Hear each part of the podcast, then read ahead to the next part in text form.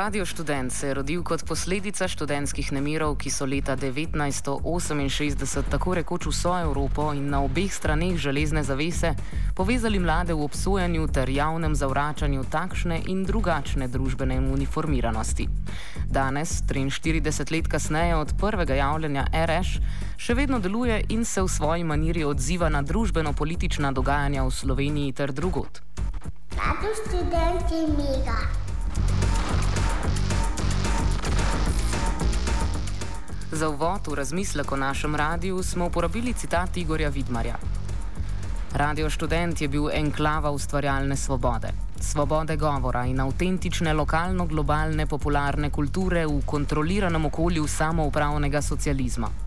RS je soustvaril punk kot množičen pojav in mu pomagal prebiti zid med glasbo kot zabavo in družbo, politiko kot realnostjo. Medijsko je podprl začetno naredi si sam fazo panka kot stila in glasbenega izbora, ki ni bil kupljena konfekcija. Študent.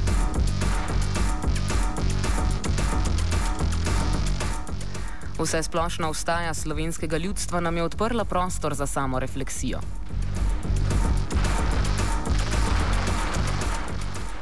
Govorili smo s Petrom Kisinom, Aldom Ivančičem in Ičom Vidmarjem.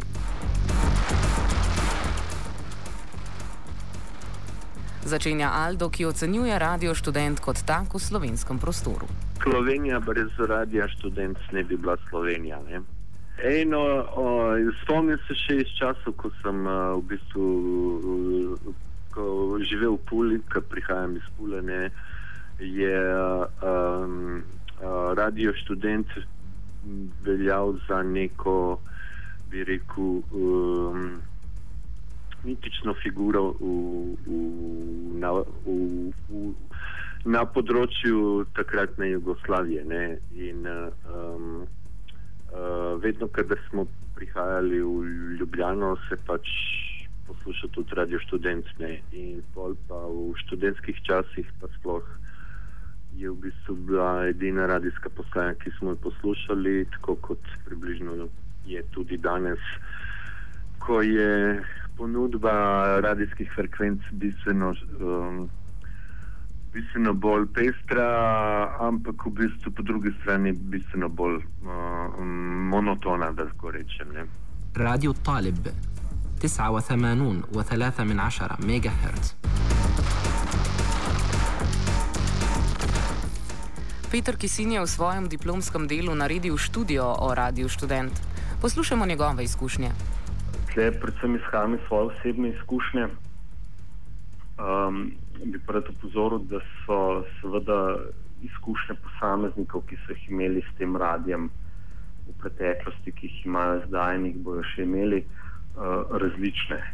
Uh, je pa to, kar se meni osebno zdelo in se mi še vedno zdi najpomembnejše, da gre za nek prostor, ki je namenjen eni posebni obliki socializacije, Uh, in uh, še vedno je najboljši izraz tega, to, kar je uh, Jožef Grinc nekoč rekel, da ti pač uh, pusti možnost, da si hkrati uh, sam svoj gospod in uh, obenem tudi deklica za vse, uh, z delom, seveda na radio. Ne? Skratka, da lahko dokaj avtonomno, dokaj samostojno upravljaš različne stvari. Skratka, da ti to prostor in da ti ljudje to omogočajo. S tem jaz ne trdim, da je zdaj to na radiju pravzaprav dovoljeno vse, ali pa da bi moralo biti dovoljeno vse. Jaz še vedno tukaj zagovarjam, da je seveda potrebna neka, neka hierarhija, nek, neka pravila, ki usmerjajo delovanje posameznikov so pa ta seveda pravila drugačna, kot so kasneje, kot jih srečaš, recimo, kasneje v življenju. Ne? Radio študent. Med drugim je bil dolgoletni sodelavec radia tudi Ičo Vidmar. V pogovoru nam je zaupal njegov pogled na radio kot institucijo, delovanje skozi dobra 40 letja in njegovo mesto danes. Zdaj, v zgodovini je bil radio študent vedno uh, v bistvu mehen radio. Ne? mehen radio, kar se tiče dometa, uh, kar se tiče na vse zadnje finančne, finančne založenosti, uh, tudi infrastrukture, čeprav se je po vselitvi v nove prostore radio zboljšal. Uh, Mirt njegov vpliv, kar tako, je pa seveda uh, zelo relativno reč. Uh, če bi rekel, da mehko število in do, uh, poslušalcev, relativno mehko, še posebej v starih časih, glede na nacionalko Val 202, pa pozneje tudi uh, radio Glas Ljubljane, ki je bil lokalni mestni radio. Uh, če bi samo na to ocenjevali, mislim, da bi zgrešili vso poanto uh, in pravzaprav v domet in doseg radio študent. Ne. Na Radio Student mislim, da je predvsem uh, vaš čas uh, in zato se mi zdi velik radio, uh, pravzaprav upozarjal na to, da je, lahko, da je možno misliti v tej družbi drugače, da je, da je možno ustvarjati drugače, da se je možno iti drugačno znanost, oziroma da je lahko, da je lahko tudi drugače artikuliramo, še posebej na družboslovnem področju in huma, področju humanistike, ker je bil vse čas agilen. Uh, kar je pa verjetno privedlo do tistega momenta v zgodovini radia, ki, kjer je bil uh, naenkrat zaradi svoje drže tudi najbolj poslušan in najbolj odmeven, to je bilo v času protestov. Uh, protestov in na Roški v času procesov proti četverici.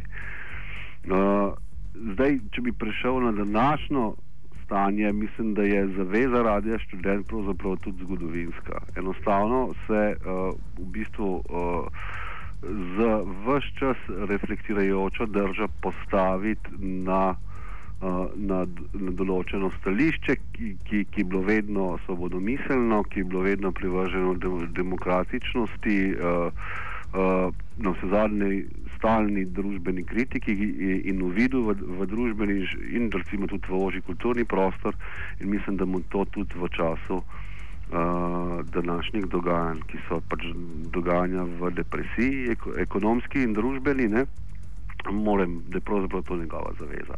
Toliko za začetek. Ne. Mhm. Zdaj je ponujeno tega nekega drugačnega mišljenja, ki si ga omenil. Tudi se zdi, da nekako radio študent od poslušalca nekako zahteva svoje mnenje, ker je mogoče drugače od uh, prevladujočih medijev no, v, v družbi sploh. Uh, tudi zaradi tega je pač nek fenomen, verjetno verjetno je fenomen bil, pa mogoče zdaj manj uh, v, v tukajšnjem prostoru. Ne, ne pozabimo, da so seveda tudi drugot to vrstne radijske postaje delu, delovale in še vedno delujejo. Uh, edino, kar, edino, kar uh, je pri radiju študent vse čas problematično, je to, da uh, za me, ki za nazaj gledam, glede s temi rečmi, je, uh, da uh, je bil včasih uh, tako preveč trmoglav in se je ustrašil določenih implikacij svojega devolja, uh, de, uh, delovanja, da je včasih navznoter, navznoter uh, v bistvu preprečeval artikulacijo različnih mnen. Ampak to je problem, ki je pravzaprav skoraj znotraj radijske ekipe, marsikdaj je, pre, je, je preniknil ven. Ne? Na eni strani se je tudi pozicija Margine lahko zelo samozadovoljna in samo predsedujoča se. In to se je radio študentu občasno vse čas dogajalo in to se mi zdi največja nevarnost za ta radio. Ne govorim o tem, da bi bilo treba naenkrat populične floskole spuščati na vzven ali, ali pa muziko, ki nikakor ne gre, ne gre v, v podobo, ki jo je, ki jo je rež daje in, in artikulira. Govorim o tem, da, vča, da se. Da se včasih znotraj programa, ne, znotraj programskega, uh, programske ekipe, ne, ki to dela, ustvari občutek samozadovoljnosti. In takrat je radio študent najslabši. In se to tudi čuti na vzven. In to se mu je doskrat zgodovilo, tudi uh, dogajalo v preteklosti. Tudi takrat, ko sem bil jaz še aktiven član uredništva ali pa ekipe, ki je skrbela za izvedbo programa, torej v 80-ih, začetku 90-ih let. In če tega RS ne uh, sproti pri sebi, torej med svojo ekipo ne reflektira in deloma sledi impulzu tistih njegovih poslušalcev, ki so aktivni poslušalci, ki, ki mu dajo sugestije, takrat se radio lahko zgubljane. To je ena ključnih reči.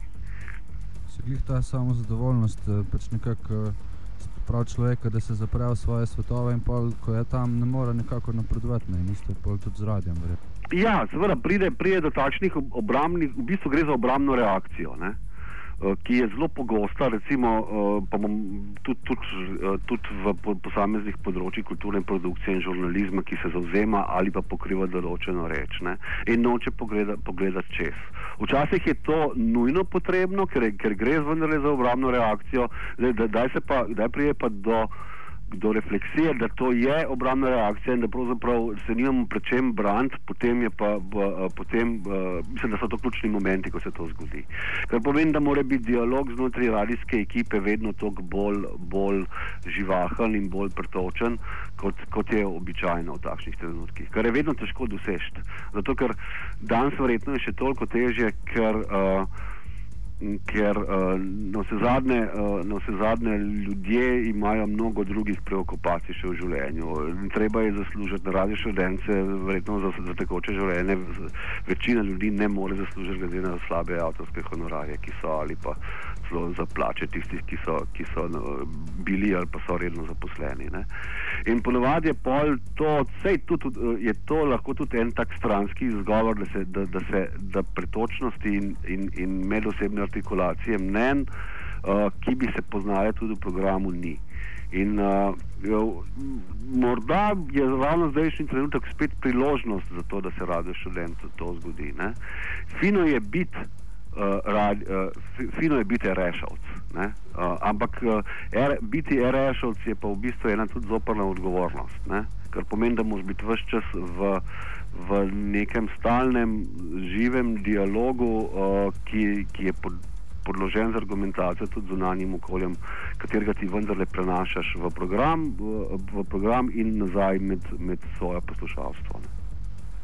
Ta odgovornost se nanaša na nek uh, renome ali do samega sebe? Ne, ne, predvsem, predvsem odgovornost do mišljenja radia, do, tega, kako uh, radio študent kot institucija, kot uh, proizvajalec od uh, radijskega programa sebe misli.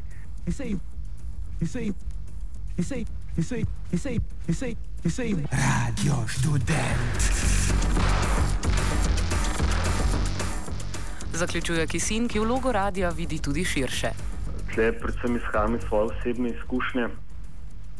Um, bi pa rad upozoril, da so seveda izkušnje posameznikov, ki so jih imeli s tem radijem v preteklosti, ki jih imajo zdaj in jih bojo še imeli, uh, različne.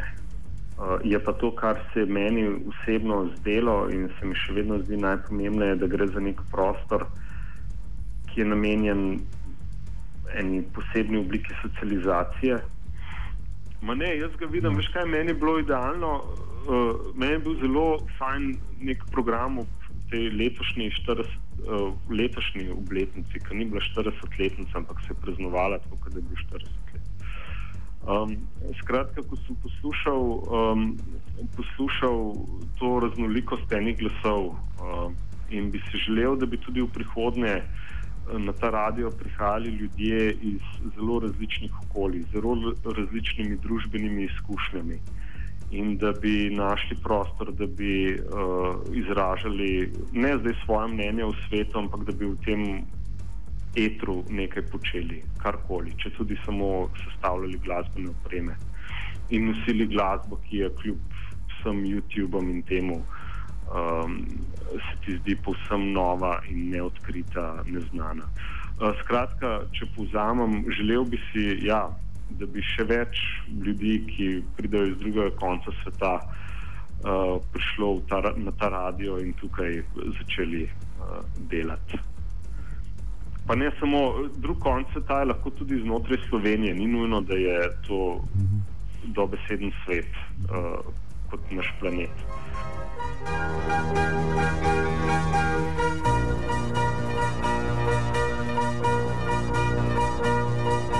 Edini radio za gluhe ta moment je radio študent.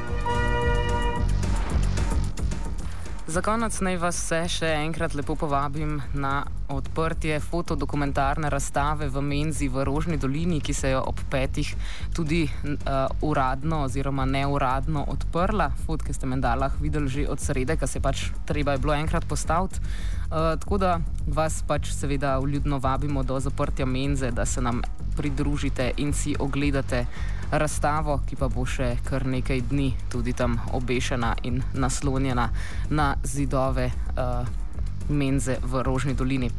Uh, to bi bilo vse strani z offsajda, ki pa ga je pripravil Marko Kraševec.